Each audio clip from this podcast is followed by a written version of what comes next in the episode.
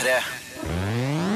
Dette er Filmpolitiet med Birger Vestmo. Birger Vestmo. Det er klart for årets andre Die Hard i Det hvite hus-film. Jeg anmelder White House Down, som har premiere i dag. En kjent og kjær barndomsfigur er tilbake på kino. Jeg feller dommen over Hokus Pokus Albert Aaberg. Dessuten får jeg besøk av sistnevnte films regissør, Toril Kove. Du får anmeldelse av spillene Puppeteer og NHL 14. Og vi skal synse om Ricky Gervais sin nye Netflix-serie Derek. Her skal du få min anmeldelse av premierefilmen White House Down. Ground all clear. Welcome home, sir. Thank you. What time does my wife get in? 1845. Wake me if civilization ends. Regissør Roland Emmerich har forsøkt å lage en Die Hard-film, og er smart nok til å ikke prøve å skjule det. Nakatomi Plaza er bytta ut med Det hvite hus, mens Channing Tatum er en kjekker, men mindre morsom utgave av Bruce Willis. Figuren heter til og med nesten det samme, ikke John McClain, men John Cale. Det lekes med kuler, krutt og store eksplosjoner i to timer, og sjøl om det er påkrevd å gape over ekstreme klisjeer og usannsynligheter, kan jeg ikke fornekte at jeg ble underholdt over en lav sko. Lukta av popkorn er sterk i denne filmen. What the hell are you getting in the for? Sorry, boss, I have it. John Cale, spilt av Tatum, tar med seg dattera Emily, spilt av Joey King, til Det hvite hus, der han har et jobbintervju med Secret Service. Det går ikke så bra. Men samtidig invaderes bygningen av terrorister. Emily forsvinner, og Cale redder president Sawyer, spilt av Jamie Fox. Nå må han prøve å få presidenten i trygghet, samtidig som han må finne Emily, og kanskje stoppe inntrengernes skumle planer med det samme. Alpha 1, do you have the target? Roger that. We're holding the president in the library. That's a library. don't go in there. Just. This is so stupid. Tidligere i år fikk vi se Olympus Has Fallen, som hadde lignende handling. Men Emmerich forsøker å gjøre White House Down enda mer lik Die Hard. Purk ut av tjeneste, heissjakt, nedskyting av helikoptre, råkjøring med limo. Alt er med, og mer til. Emmerich tar det til og med opp på atomvåpennivå. Hele veien handler det om store overdrivelser og en total mangel på relasjon til den virkelige verden.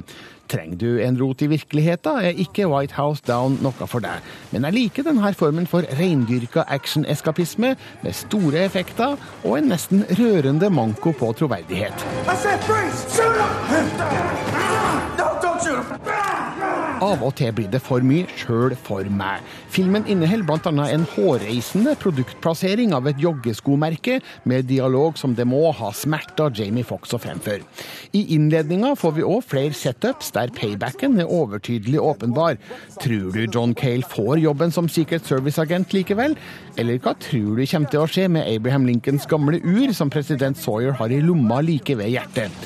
Dette er ikke filmen for de store overraskelser. I know you're into peace and all that. You gotta stick that thing out there and go to work. Damn right.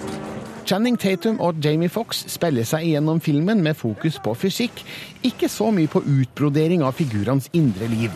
James Woods er effektiv som denne filmens Hans Gruber, bare ikke like interessant, mens Jason Isaacs er passe skummel som denne filmens Alexander Godunov. Ja, jeg fortsetter å sammenligne White House Down med Die Hard. Der er den jo dømt til å tape, men er likevel en godkjent kopi. Det gnistrer skarpt i øynene og smeller godt i øra. Av og til trenger jeg ikke mer enn det.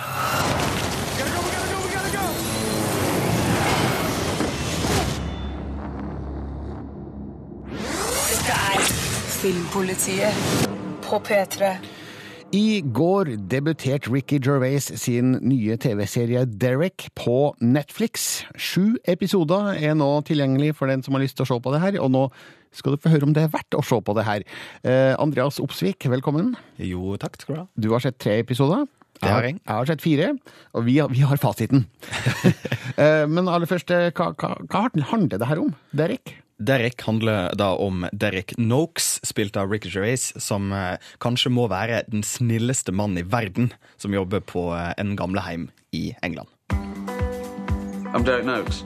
I work here at Broad Hill Nursing Home for the Elderly. My best friend is Dougie. He's the caretaker here. No one ever warned me of this. I like wrestling. It's like strong cuddling, really. His affection's gonna kill me one day. And Kev, he's my other friend. He doesn't work. He doesn't do anything. And best of all, is Hannah. She's the manager here. Do you read? Yeah. What, what do you read? Twitter. I love working here. I'm the luckiest man in the world. Og eh, min påstand er at dette ligner jo ikke rent lite på en annen viss serie kalt eh, The Office. Ja, sånn uh, Utgangspunktet at det er den der eh, mockumentary, altså at det i utgangspunktet ser ut som det er TV-team som følger deg rundt og filmer, det ligner jo veldig. Men det er jo en litt sånn annen stemning her da enn eh, i The Office. Ja, fordi dette er ikke den flaue humoren nødvendigvis som The Office var full av. Nei, det er litt mer eh, Det går jo selvsagt på den her litt enfoldige, ekstremt snille figuren som, som han spiller, som eh, er for snill til sitt eget beste, rett og slett. Men, men det er òg en, en mye mer sånn eh, sentimentalt, kan en vel nesten si det. Altså i hvert fall litt sånn uh, En god del av det sånn stakkars disse gamle menneskene. Ja, fordi det handler jo om et uh, eldrehjem, og det er jo en del død involvert her, nødvendigvis. Absolutt. Eh, en del død, en del eh, sånn Uh, En mann som, uh, som tisser på seg uh, og skylder på prostataen, og du ler egentlig Du ler egentlig ikke av det. Det er rett og slett sånn at du føler Du syns litt synd på han. Ja, men det er litt morsomt også. Det er mange gode kommentarer her, og en del situasjoner som er basert på disse figurenes noe manglende sosiale ferdigheter. Absolutt. eh, Og vi må vel kanskje gå an å trekke fram eh, da Carl Pilkington da som, eh, som vaktmesteren her, og eh, nettopp hans venn Kev, som blir nevnt som egentlig en mann som går på trygd og bare henger på gamleheimen fordi han ikke har noe bedre å finne på. Men så denne serien har fått noe kritikk på grunn av Ricky Gervais sin hovedrolle, for Derek han har vel en eller annen diagnose.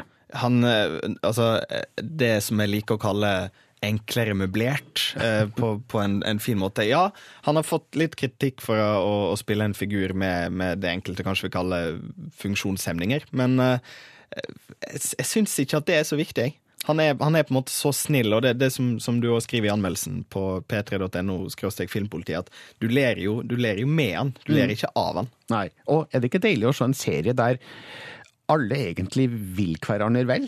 Jo, ja, sant. Alle vil hverandre vel, og, og det er ikke noe sånn Det er ikke, det er ikke den der samme typen slemme humor da, som det gjerne kunne være i The Office eh, innimellom. Jeg legger merke til i kommentarfeltet på anmeldelsen på p3.no at uh, enkelte syns dette kanskje blir litt sakte og litt treigt. Men uh, der er ikke jeg helt enig, i hvert fall. Jeg, jeg liker jo den, den stemningen og den roen over serien. Eh, og jeg liker figurene. Det er jo en del gjenkjennelige trekk her. Uh, Sjøl om enkelte er litt eh, i overkant karikerte. Men eh, du, du, du, akkurat som i Office, du kjenner igjen litt sånn mekanismene på, et lite, eh, på en liten arbeidsplass. Eh, og eh, du kan kjenne deg igjen i litt sånn hverdagslige situasjoner og måten man tolker hverandre på i feil retning osv. Ricky Gervais har jo sagt at han har tatt en del inspirasjon fra eh, sin egen familie, der mange av dem da jobber på ulike ulike pleieheim i forskjellige varianter. Mm. Og du, du merker jo at det er gjort med, med kjærlighet. Det er ikke gjort for å, for å gjøre narr av noen her. Og man kan lese eh, P3s intervju med Ricky Gervais eh, på våre nettsider, altså p3.no slash filmpolitiet. Der er også anmeldelsen av eh, Derek, som altså nå er tilgjengelig på Netflix. Takk skal du ha, Andreas. Filmpolitiet. Widescreen på radio. Det har vært en heller dårlig uke for norske filmregissører i utlandet. Først ble Pirates of the Caribbean 5 utsatt for Joakim Rønning og Espen Sandberg. Cirka ett sekund etterpå ble Harald Svarts oppfølger til The Mortal Instruments lagt på is, og det her skjer bare noen uker etter at Joakim Triers Louder Than Bombs ble utsatt på grunn av pengeproblemer. Det er konspirasjon! Det kan være det, altså. Men eh, Andreas Opsvik og Rune Haakonsen, eh, hva skjer her? Hva, hva vet vi om Pirates-utsettelsen? På Pirates så, sier de i hvert fall at det handler om at å nei, vi er ikke helt sikre på det nye manuset, vi må jobbe litt mer med det, vi har noen gode ideer, men vi er ikke helt fornøyd. Eh, Det syns jeg høres ut som en ganske dårlig unnskyldning for den usikkerheten som råder mange av de store filmene som Disney har kommet med. Eh, I fjor så var jo John Carter en gedigen flopp, og nylig ble det også klart at Lone Ranger har påført eh, Disney en nedskrivning på hele 190 millioner dollar!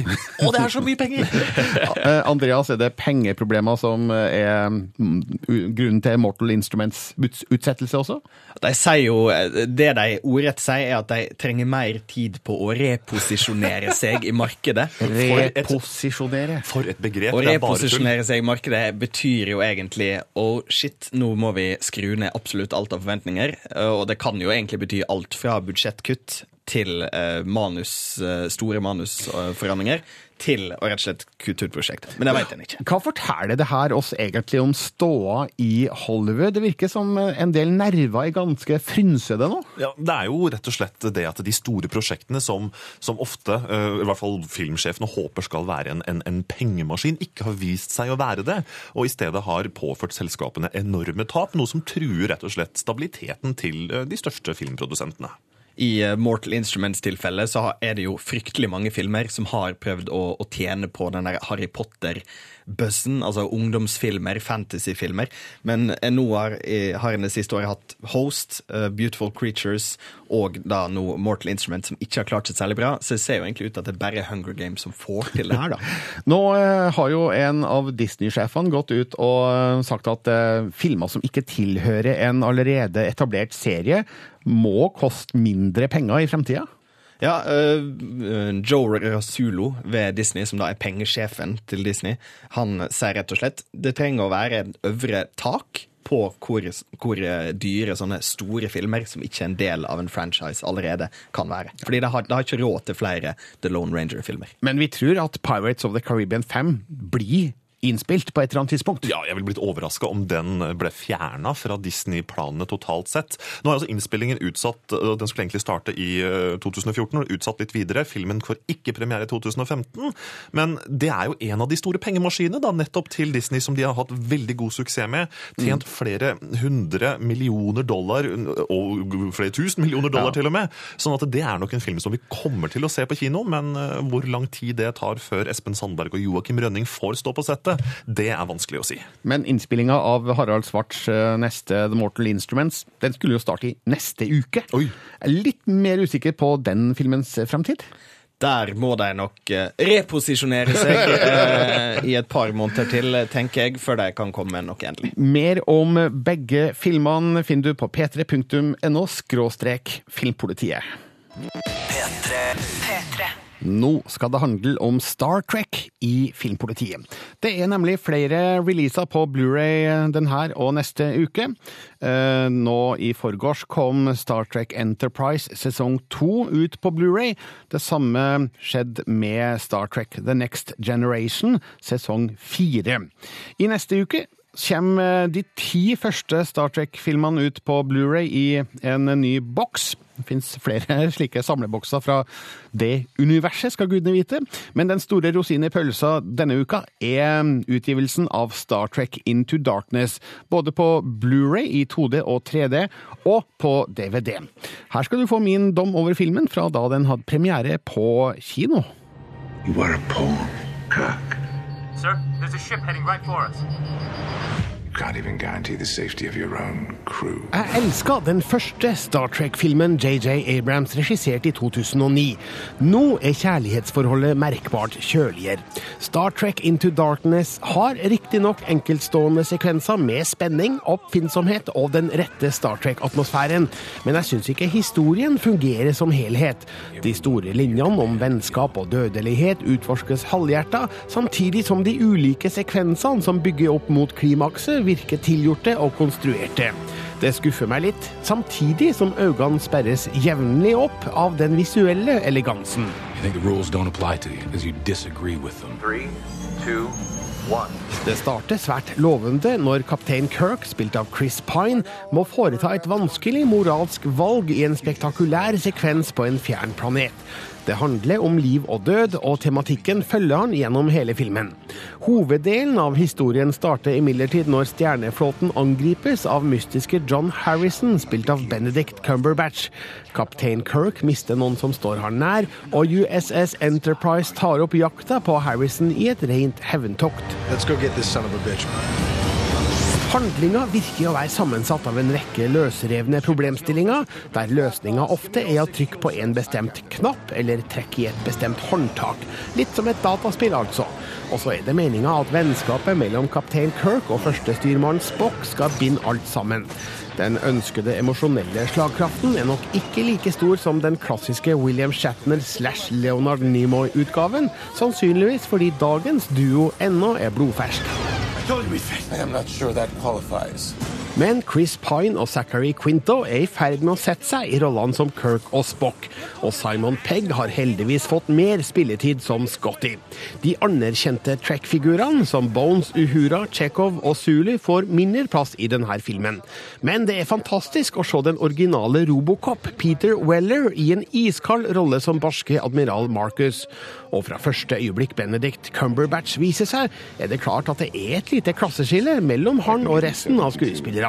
Cumberbatch spiller en troverdig trussel, sjøl når en ganske åpenbar avsløring midtveis risikerer å kaste figuren hans ut på dypt vann. I have no idea what I'm supposed to do. I only know what I can do. JJ Abrams regisserer som vanlig med stor visuell kontroll. Sjøl i de mest spektakulære sekvensene holder han meg i hånda og leder meg gjennom kaoset.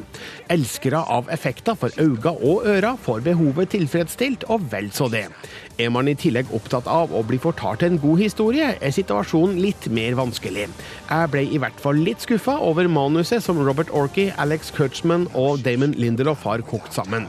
Det ødelegger ikke lysta til å se mer fra Star Trek-universet, men det bør jobbes mer med historien neste gang. Alt annet er på stell. I believe in you, Jim.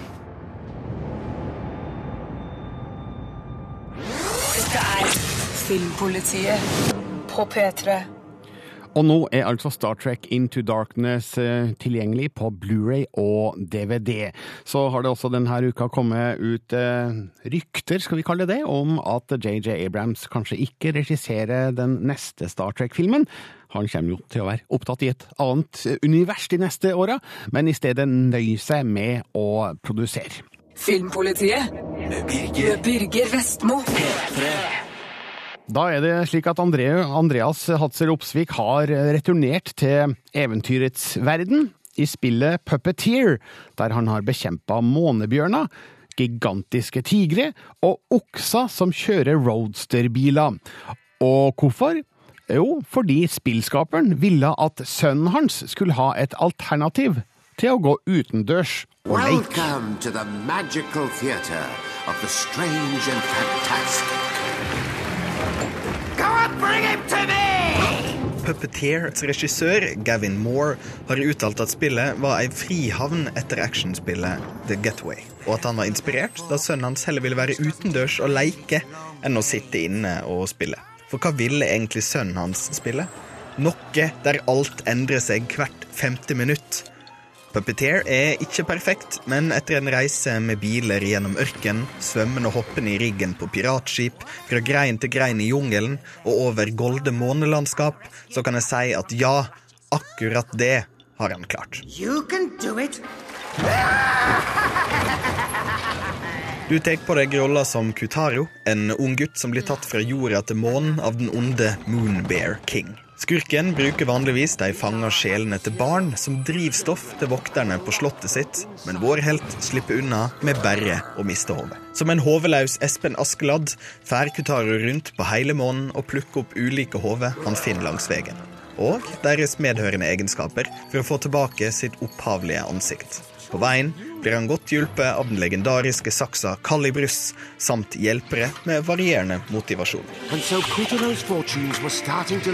Puppeteer er sterkt inspirert av japansk bunraku-dukketeater, der miljø og figurer blir styrt og endra av et utall scenearbeidere med stram koreografi. Og det ser helt nydelig ut. Det skaper ei god atmosfære når publikum buer, ler og skvetter til det som hender på scenen. Historia er lineær og har, som i plattformspill flest, ikke særlig store valgmuligheter for hva en kan gjøre. Som i eventyrtradisjonen er det i utgangspunktet basert på en kjent og kjær formel, men heldigvis med nok kjærlighet og karakter til at det skiller seg litt ut. Som i f.eks. Super Mario Galaxy-spillene kan en andre spiller utstyres med en DualShock eller PS Move-kontroll som en av to udødelige hjelpefigurer. Puppeteer er absolutt et spill der både erfarne og uerfarne spillforeldre kan sette seg i sofaen og hjelpe til. I mitt tilfelle var det kona som plukka opp kontrollen og rydda vei for meg gjennom de ville områdene. Blant spillets få problem er de akkurat litt for lange mellomsekvensene. Selv om spillet gjør narr av det på et tidspunkt, akkurat idet noen havfruer har blitt litt for irriterende i sine musikalske utlegginger, burde nok spillskaperne ha kutta manus litt eller brukt andre måter å fortelle det på. De beste scenene er stort sett når handlinga foregår mens spilleren tar seg fram i terrenget. Et fint grep skjer når en forteller skifter side og plutselig omtaler Kutaro som skurken under en bosskamp. Årsaken? Bossen er en gigantisk krabberobot, og fortelleren elsker roboter. Lederen blant 2D-plattformspill akkurat nå er fremdeles fantastiske Rayman Legends. Om du derimot syns det mangler litt fokus på historie i det spillet, da har du Puppeteer. Der du bader i en sterk tilstedeværende historie i en verden du neppe har lekt deg i før. Never be safe! Ever! Dette er Filmpolitiet på P3. Og snipp, snapp, snute, så var terningkast fem til Puppeteer ute. Anmelder var Andreas Hatzel Opsvik, og du kan se video fra spillet på våre nettsider p3.no skråstrek filmpolitiet. Og her er anmeldelsen av dagens barnligste premierefilm på kino. Abi Sabi, Kirikanabu. 哼哼哼哼 Alle kjenner Albert Aaberg. Derfor er det klokt av regissør Toril Kove og co. å gjøre han lett gjenkjennelig i denne nye 2013-versjonen. Det er som om de har henta han rett ut fra de gamle bøkene og filmene og plassert han i en modernisert verden. Det her er en skjønn og sjarmerende oppdatering av en kjær figur. Perfekt moro for de minste kinogjengerne. Og de voksne som følger dem, vil få en akkurat passe stor dose nostalgi, fordi Albert Aaberg har like stor appell nå som for 30-40 år sia. Jo, jo, jeg skal bare Nå var det du som sa det. Sa hva da? Jeg skal bare, sa du. Gjorde jeg det? Ja, ja, ja. Albert har blitt litt større, men er heldigvis akkurat den samme. Figuren er ikke blitt klussa med. Han er flott animert med det samme store hodet med strittende hårstrå. Han forsøker fremdeles å navigere seg gjennom hverdagslige hendelser med stor nysgjerrighet og stadige forvirringer over de voksnes prat og handlinger. Albert er ikke alltid like stø på hva som er rett og galt, eller hvordan ting egentlig henger sammen, og her vil mange barn kunne kjenne seg igjen i sin egen tankegang, nå som før. Slutt, da. Bare småunger og liksom-venner. Men her er jeg, så kanskje du ikke er så stor likevel. Det er jeg vel. Tora Berg og Hans Åke Gabrielssons manus er altså tro mot forfatter Gunilla Bergstrøms univers. Han bor fremdeles med sin pappa i en blokkleilighet. En mor nevnes aldri i bøkene, heller ikke i denne filmen. Nå har Albert fryktelig lyst på en hund, men pappa syns han er altfor liten for et slikt ansvar. Kanskje kan den gamle naboen hjelpe? Han kan nemlig tryll. Men det her sender Albert ut i flere situasjoner som forårsaker vanskelige dilemmaer for en liten gutt. Kan du trylle frem en liten hund til meg? Filmen er trygg og god for de minste, uten noe som er direkte skummelt. Kanskje er det for lite action her for større barn, men det her universet er varmt og innbydende helt fra første filmrute, akkompagnert av den kjente temamusikken fra TV-serien. Historien fortelles i et fargesprakende miljø der fokus på detaljer er uviktig. Flere elementer i bildene ser uferdige ut, f.eks. gjerder og rammer som vi kun ser omrisset på, men det er et stilvalg som fungerer. Den enkle streken er helt i tråd med Gunilla Bergstrøms illustrasjoner fra bøkene. Jeg for min del føler ingen behov for en digitalt animert Albert Aaberg i 3D. Vi kjenner en trollmann på ekte. Det er det ikke mange som gjør. Filmens stemmer er innlest av flinke skuespillere i både høy og lav alder. Både Henrik Forsbakk Langfelt, som er Albert, Linnea Aksnes Persson, som er Milla, og Fredrik M. Frafjord, som er Viktor, har gitt figurene stemmer som understreker deres undring og nysgjerrighet. På lydsporet fins òg noen fine låter, sunget av bl.a. Ane Brun og Timbuktu. Hokus pokus Albert Aaberg er en vellykka filmatisering som puster nytt liv inn i Gunilla Bergstrøms verden. Regissør Toril Kove har endelig spillefilmdebutert, både solid og overbevisende, seks år etter at hun vant Oscar for den animerte kortfilmen Den danske dikteren. Den filmen vil jeg se. Hokus pokus Albert Aaberg. Dette er Filmpolitiet på P3. Og nå har Filmpolitiet fått besøk av regissøren bak Hokus pokus Albert Aaberg. Velkommen, Toril Kove. Tusen takk, hyggelig å være her. Ja, nå må jeg jo først spørre deg da om din barndom, Toril. Hvilken plass hadde Albert Aaberg der? Albert Aaberg hadde ingen plass i min eh, barndom, for eh, jeg er såpass gammel at jeg var tenåring da de bøkene kom ut. Så um, han spilte ingen rolle i min barndom, dessverre. Det var mer, det var mer sånn uh, Charlie Brown på den tiden for meg, tror jeg. Jeg tror du var mye yngre, Toril. Tusen takk. Men eh, hvorfor da kaste seg over uh, å modernisere en kjent og kjær figur som du ikke har det store forholdet til? Vel, altså da jeg fikk, um, da jeg fikk uh, tilbudet først om å se på manus og bli kjent med karakterene og bakgrunnen til um, Hokus pokus Albert Aaberg, da, så var det jo sånn at selv om jeg ikke hadde noe kjennskap eller noe forhold til Albert før, så fikk jeg det veldig fort da jeg begynte å lese bøkene hans og lese om universet hans. Og um, det er Hokus pokus Albert Aaberg er et veldig fint manus, og så kommer jo Albert ut av et univers som eh, jeg ble veldig betatt av sånn fra begynnelsen. fordi at eh, det er, det er, så humanistisk. Det er historier, både de helt banale og de ganske kompliserte, som handler om forhold mellom mennesker. Og, og så handler det om mennesker som tenker, og om uh, livet og verdens problemer sett ut fra en liten guds vinkel. Da. Og det er sånne historier jeg liker. Så det, jeg syns bare det var en fantastisk mulighet til å arbeide med noe langt med dette materialet. Men for meg og mange andre som sikkert hører på nå, så er jo Albert Aaberg en sentral del av oppveksten. Og mm. eh, når jeg så, da jeg så filmen, så fikk jeg jo inntrykk av at eh, ja, men dette stemmer jo helt overens med alt jeg noensinne husker om Albert Aaberg. Altså, eh, hvordan har du greid det når du ikke hadde et eh, forhold til Aaberg fra før? Akkurat det du sa nå, det er, det er omtrent det, det fineste som jeg kan tenke meg publikum kan si. For det, det, er jo, det er jo det vi hadde som mål, da. Det har jo gått eh, ganske mye tenking og research og konseptutvikling og den slags inn i hvordan denne filmen skal se ut, og, og hvordan karakterene skal oppføre seg. Så um, vi ønsket jo å lage en film som, som får folk til å si at ja, dette ser kjent ut, men samtidig eh, skulle det være noe nytt, da. Så det, det, ser jo litt annerledes ut. Det ser jo ikke akkurat ut som bøkene, men samtidig så er det såpass likt at uh, man ikke plutselig får uh, inntrykk av at Albert har flyttet til et helt annet sted, liksom. Så um, nei, det var rett og slett det er helt bevisst. Det var et helt uh, bevisst grep, rett og slett, som vi gjorde. Men hadde det her vært Hollywood, så vil jeg anta at Albert Aaberg hadde blitt filmatisert med dataanimert 3D-teknikk. Hva Ja, mulig. Hadde det fungert?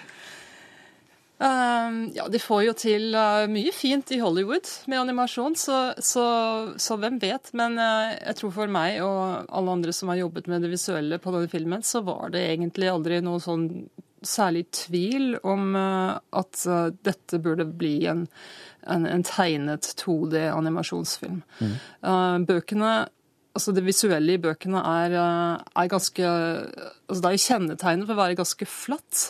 Uh, og det er også kjennetegnet med disse fantastiske, naive, men samtidig veldig rike strektegningene til Gunhild Bergstrøm. Da. Så jeg ville personlig synes det ville være et tap å ikke ta med seg det inn i filmen. Um, så, um, så, altså Den kunne sikkert ha blitt gjort veldig fint på mange andre måter, men, men da ble det, det blitt en annen film, da, for å si det sånn. Mm, mm. Eh, dette er altså håndtegna? Ja, det er håndtegnet. ja. Og det er da min påstand at uh, ingen vet hvor mye arbeid det er å håndtegne en spillefilm. Ja. Kan, du, kan, du, forklare litt hva slags størrelse det er snakk om her, på, på arbeidsmengden? Nei, altså Det er jo eh, en helaftensfilm med animasjon. Det er jo utrolig mange tegninger. Og animatører er jo de største synderne når det gjelder å fullstendig undervurdere hvor lang tid det egentlig tar.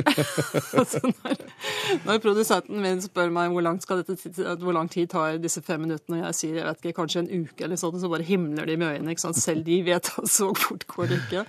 Men det er kolossalt mye arbeid. Og man ser jo på ettertekstene i denne filmen at eh, altså, det er masse, masse folk involvert, og mange av dem har, in, har eh, animert.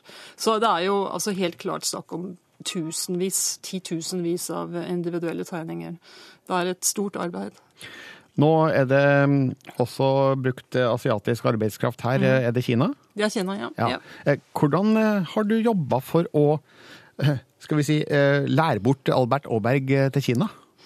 Altså, det er jo en sånn ganske konvensjonell arbeidsmetode da, som, som øh, man bruker i animasjon for å forsikre seg om at den øh, kunstneriske kontrollen forblir hos regissøren, selv om det er andre som, som tegner øh, og animerer. Og det gjøres ved at vi sender dem en veldig, veldig detaljert, man kan kalle det oppskrift eller kakeform eller ja, Kall det hva du vil, men det er, men det er en veldig detaljert uh, pakke med informasjon da, som de får å jobbe med. Og det inneholder all karakterdesignen, sånn helt sånn vitenskapelig målt, sånn helt ned til millimeteren omtrent, på hvor store de skal være, og uh, proporsjonene, og hva slags farger de skal ha, og hvordan de ser ut i all forskjellige vinkler, og hva slags ansiktsuttrykk de har, og hva skjer med øynene når de smiler, osv., osv. Og så um, tegner de øh, hva man kaller mellomtegninger mellom hva man kaller nøkkeltegninger. Og så får vi etter hvert se hvordan animasjonen blir på noe som øh, vi kaller line tests. Så det er masse kontrollering underveis. Uh, og så når vi har kontrollert, så sender vi da tilbake med en liste med de tingene vi vil ha rettet på. Og så fortsetter vi sånn til, uh, til det er eh, ferdig. Og i vårt tilfelle så hadde vi vel eh, ja, fem til seks runder på, på hele, hele filmen, faktisk. Mm. Før, det ble, før det ble helt riktig. Og du har sittet i Norge og styrt det hele herifra? Ja, jeg har sittet her. Ja. Mm. Eh, hvordan er en eh, normal arbeidsdag for en eh, animasjonsregissør? Den er ganske lang. Men den er veldig gøy, da. Mm. Så ja. Men fra tidlig morgen til sent på kveld? Ja, det blir jo Det det er mye som skjer på en gang. Og det er eh, litt sånn det bare er, på en måte. Fordi at eh, det er, så mange, det er så mange ledd som skal med, og det er viktig at de kommer sånn omtrent på samme tid. Mm. Eh, Så det blir Ja, det blir, det blir ganske mye. Sitter du og tegner noe sjøl, eller, altså, eller ringer du rundt og forteller hvordan det skal være? Um, altså, jeg tegnet jo um, Jeg tegnet første utkastet på storyboard. Mm. Det var masse tegninger helt til å begynne med. Uh, hvor jeg da tegnet ut uh, Altså fulgte manus, selvfølgelig, og så tegnet ut hvordan jeg tenkte at uh, hver scene skulle se ut. da. Med ganske sånn detaljerte uh, klipp og ganske mye detaljerte ting som skulle inn i bakgrunnen og sånne ting. Og så når det var ferdig, så, så ble det da sendt til profesjonelle storyboard-tegnere som som kan alle knepene, for å si det sånn. Mm. Og som eh, jobber mye, mye kjappere med sånne ting enn jeg gjør, da. Og på storyboard-tegningene så er alle karakterene helt riktige som de skal være. Eller i hvert fall så riktige som mulig. Eh, Og så får vi sjekk på det også. Altså de begynner å tegne, og så sender de tilbake. Altså vi delte filmen i seks akter, så vi fikk én akt av gangen. eh, Som vi eh, undersøkte, og så gjorde rettelser og sendte tilbake. Hva med Albert Aabergs opphavskvinne, Gunilla Bergstrøm? Mhm. Ja. Eh, Hva slags eh, kontakt eh, har du hatt, om noe, med hun under jobbinga? Ja, det har jeg. Uh, mest til å begynne med. Uh, da, jeg, uh, da vi begynte med konseptutviklingen og begynte med, med å skisse ut storyboardet, så hadde jeg snakket med henne på telefonen et par ganger, og så traff jeg henne i Stockholm. Så det som har vært veldig fint med denne filmen, det er at vi har hatt en veldig, veldig god og positiv um, dialog med Gunilla Bergstrøm i den fasen hvor vi følte, og jeg tror hun også følte, at det var viktig at hun, at hun uh, fikk fikk se litt hva vi drev med. Da. Og hun, jo, hun skulle jo ha kontroll eh, på eh, eller måtte godkjenne da, alle hovedkarakterene. Mm. Men når det gjelder designet ellers, så, så skulle ikke hun ha uh, noe sånn egentlig å si på det. Men, men samtidig så var det viktig for oss at, at uh, hun var litt med, da. At, at vi snakket med henne først for å høre litt hva som var viktig for henne. Men det er ikke sånn at hun har sittet og styrt det i det hele tatt. Uh, men, men vi snakket med henne om, om ting som vi var opptatt Mm. av. Ja. Har hun fått se den ferdige filmen? Du vet at jeg vet faktisk ikke om hun har sett den ennå. Nei. Men, eh, Men jeg regner med at det, det, vil hun, eh, det vil hun gjøre etter hvert. Jeg tenker at hun skal få lov til å ta den tiden hun trenger for å se på det. Jeg kan tenke meg at det må være ganske altså jeg synes hun, har vært, hun har vært veldig tøff, da, som har turt å gi fra seg uh, dette til å, til å bli noe ganske stort sånn Mm. på lerretet. Mm. Men jeg vil anta at det er like stor interesse rundt filmen i Sverige som det er i Norge. Det, virker, ja, det virker sånn. Ja, hun får nok sett filmen. jeg håper det. Eh, La oss spole litt tilbake, Toril Kove. Vi må bare finne ut det. hvordan starta egentlig din kjærlighet for animasjon? Fins det et øyeblikk i tiden der du kan si at eh, det var da du oppdaga dette vidunderlige universet?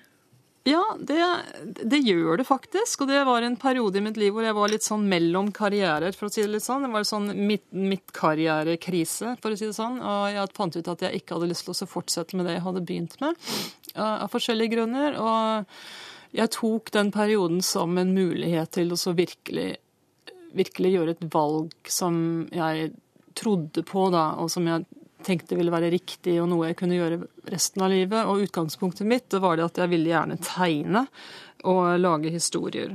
Og da er jo animasjon Det er jo egentlig den perfekte tingen for, eh, for meg å gjøre, da.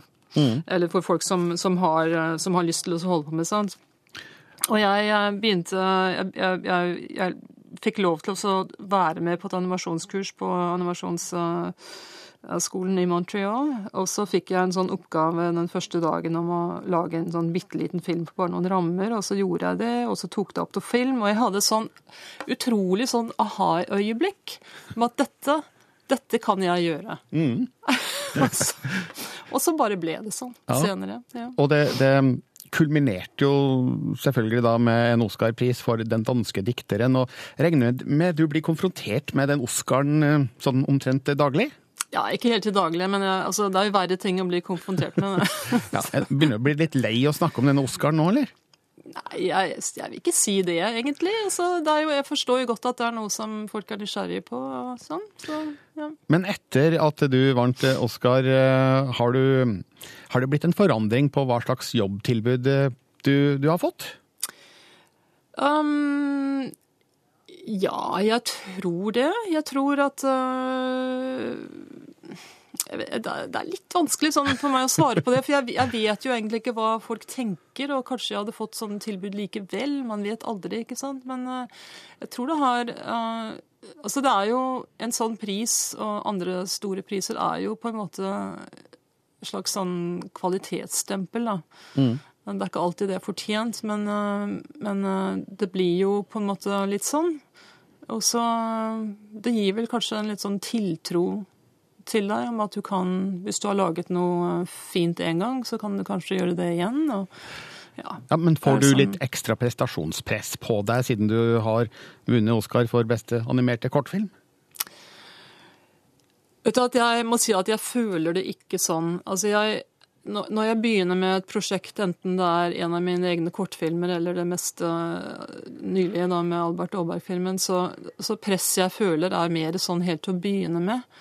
Fordi at um, altså man lager noe som skal vises på kino, ikke sant? og som skal ha et publikum. Og jeg tror publikum er sånn at når de går på kino, så er det fordi de ønsker seg en god kinoopplevelse. At de ønsker seg noe fint å se på, noe som er spennende eller morsomt, eller noe som kan ta dem litt ut av hverdagen. Da.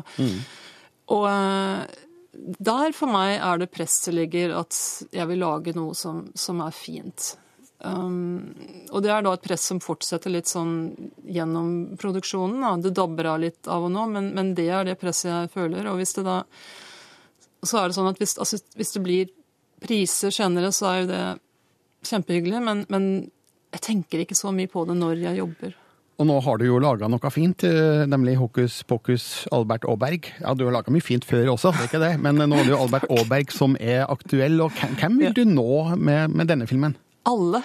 Ja, Jeg ønsker å nå alle. jeg forstår det, men hvem, hvem tror du vil gå og se filmen i, i første omgang? Uh, altså, jeg tror nok at familier med små barn vil gå. Og um, det er jo ganske tydelig da, at de, eh, de minste syns dette er gøy. De bare, liksom, når bare du sier Albert Oberg, så, så, så lyser hele ansiktet opp. Det har jeg sett et par ganger i dag allerede. Jeg har gitt ut noen billetter til festpremieren, og det er, som, det er bare sann stas. Og så er det jo foreldre da, som, har, som er eh, på min alder, men litt yngre, som har vokst opp med Albert Aaberg selv, som, mm. som kanskje syns det er morsomt og er nysgjerrige. Og så håper vi selvfølgelig at, eh, at søsken blir med, og besteforeldre og tanter og onkler. og ja. Og nå når filmen har premiere, eh, og du har lagt dette arbeidet bak deg, Mm. er det sånn at nå må du bruke et år eller to på å finne ut hva du skal gjøre neste gang, eller kaste deg over på nye ting umiddelbart? Altså, når, når jeg eh, er midt i det, så tenker jeg liksom, å, når dette er ferdig, skal jeg bare ta ferie. Men det blir, jo, det blir jo aldri nå. Og så kan man jo ikke det, for det er jo det er ikke noen hobby. ikke sant? Men eh, nei, jeg, jeg har kastet meg jeg har bare kastet meg ut i det. Så jeg, eh, jeg skal Altså, nå har jeg en kortfilm som jeg hadde begynt på før Albert Aaberg kom en gang, som jeg må gjøre ferdig. Som jeg skal være ferdig til jul, og så Ja, så ja. Nei, jeg har, jeg har, jeg har mye å gjøre. Mm. Ja. Og hvis Albert Aaberg blir en publikumssuksess, kanskje det kan komme på tale med flere Aaberg-filmer? Ja, kanskje det. Ja. Men det, det er ikke noe du kan si, eller vil si noe om nå? Nei, det kan jeg ikke si noe om nå. Nei, men det skal du få slippe. Eh, Toril Kove, da ønsker jeg deg lykke til med premieren og Albert Aabergs kinoliv. Og, Tusen takk. og takk for at du kom til Filmpolitiet. Veldig hyggelig. Dette er Filmpolitiet med Birger Vestmo. Med Birger Vestmo.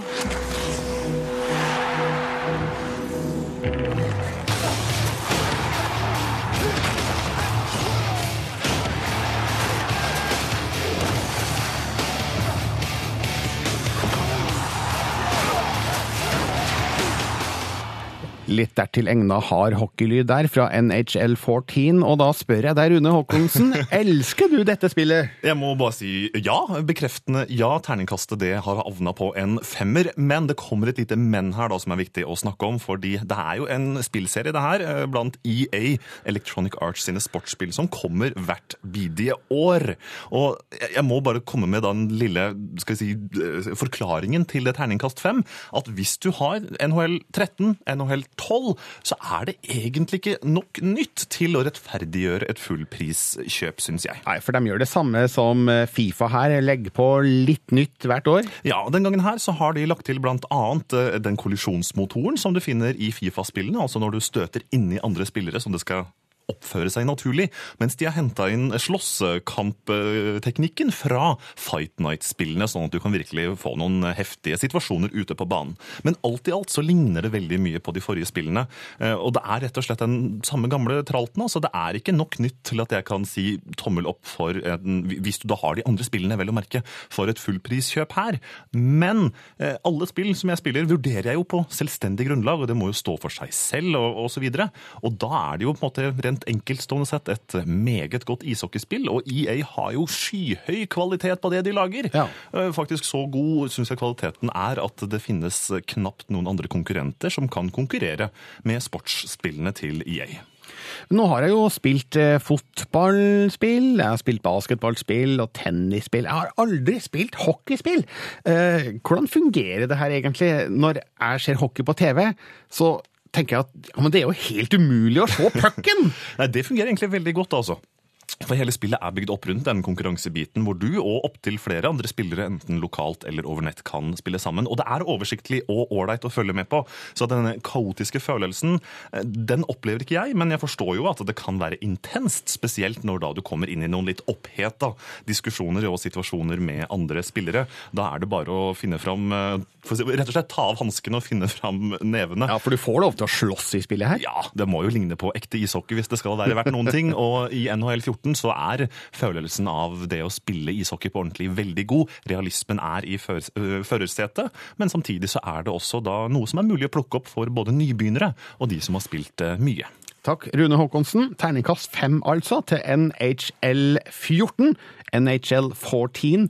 NHL 14. NHL 14 høres litt kulere ut, altså. Takk skal du ha. P3. På tirsdag kommer Grand Theft Auto 5, og her i studio står resten av redaksjonen. Rune Håkonsen, Andreas Hatzel Opsvik og Marte Hedenstad. Hello. Er det, er det noen som gleder seg? Nei, det var så utrolig! Jeg vet ikke hva jeg skal gjøre det altså Det, det er liksom årets største spillet her. Ja, og og ikke bare det, det er tidenes dyreste spill, og det gir jo også noen skal vi si, forventninger for hva de skal levere. Og anmeldelse kommer i Filmpolitiet neste fredag. Eh, Men eh, i forkant av denne releasen så har det oppstått en diskusjon som vi har skrevet om på våre nettsider. Det er jo da et faktum at det er tre mannlige hovedpersoner i GTA 5, og i spill generelt er det jo svært få kvinneskikkelser. Hvorfor er det sånn? Her er først litt lyd fra Grand Theft Auto 5.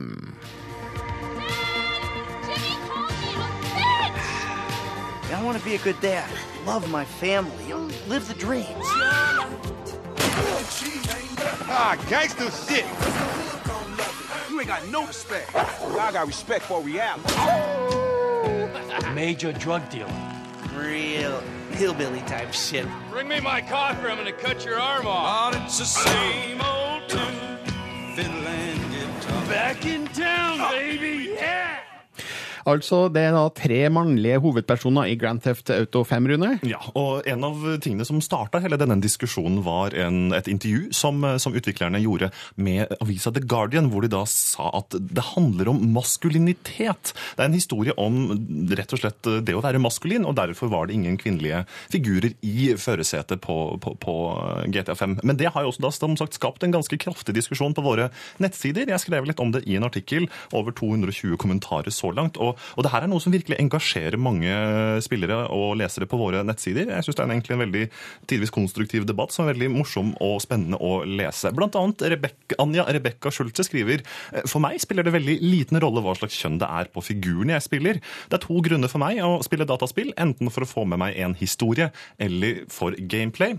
Og for begge deler så er kjønn irrelevant. Nå er det nye GTA-spillet nok myntet på unge gutter, men det betyr jo ikke at jenter ikke kan like det. Marte Hedenstad, det er jo nærliggende nærliggende å trekke inn der. da. Altså, Savner du en kvinneskikkelse i Grand Theft Auto? Akkurat når det gjelder Greta, så er det ikke så viktig for meg at det er en eh, kvinnelig figur man kan spille. Men jeg synes jo når, når det er forskjellige figurer med forskjellige historier her, så hadde det jo vært stilig da, om det hadde vært eh, en kvinnelig figur man kunne følge også.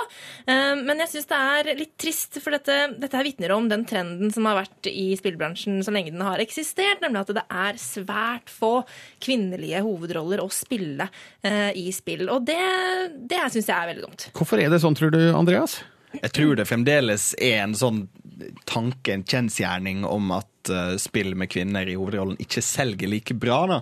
Men en, en ser jo òg at eh, der hovedandelen av pengene, altså der de største budsjettene er innenfor spillverden, så er jo det òg for spill med, med mannlige hovedroller. Men samtidig så vet vi jo med faktiske tall fra den amerikanske bransjeorganisasjonen for dataspill at eh, hele 47 da, av de eh, spurte eh, som om de spiller dataspill, er kvinner. 48, faktisk. var det ikke? 48, nei, var 47-48, men minimal forskjell der. Men, men det betyr jo også at man skulle nesten tro at det skjedde en slags utjevning i løpet av de siste ti åra, for spillbransjen har jo kommet veldig langt siden de, den starta på 70-80-tallet, og, og spillpublikum i dag er jo enormt mye større enn det det var tidligere. Men det er jo flere som er inne på det i kommentarfeltet på den artikkelen på nettsidene våre, at eh, altså, eh, det høres ut som det, det, er ingenting som stopper kvinner fra å begynne å lage kvinnespill. Er det et argument? Det som er litt interessant der, er jo også ikke bare å se på altså, hvilke kvinnelige figurer som får en hovedrolleplassering i spill, men det er også hvor mange kvinner er det som jobber i spillbransjen. Og her er det en litt sånn for bakenforliggende fakta som er veldig interessant å se, med at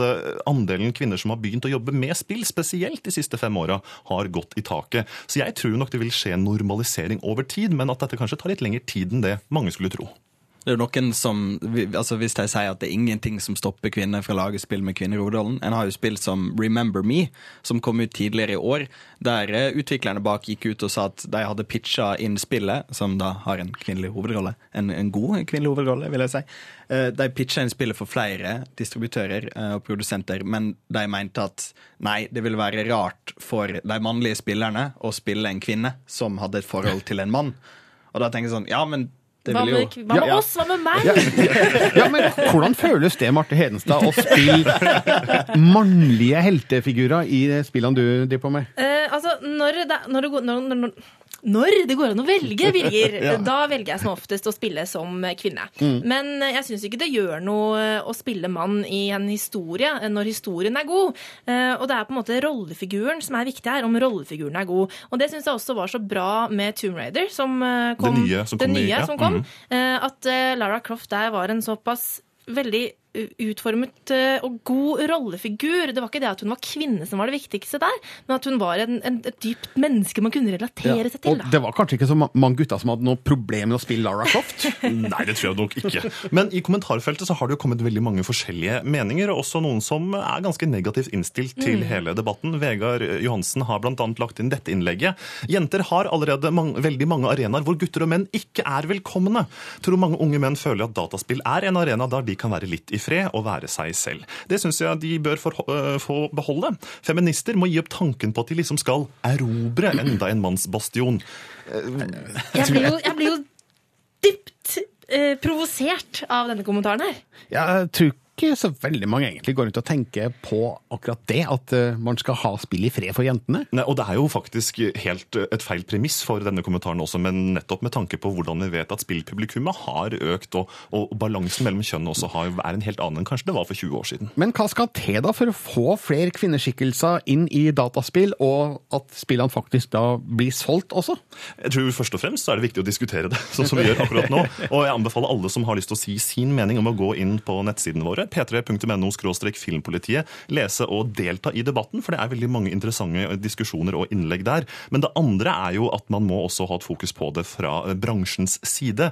Eh, For som du sa, Andreas, det er verdt en, en, en tanke om at eh, spill med kvinnelig hovedrolle selger mindre. Og det fører jo også kanskje nedover veien til at det blir laga færre spill på den måten. Kanskje vi kan forvente en kvinnelig figur i Grand Theft Auto 6?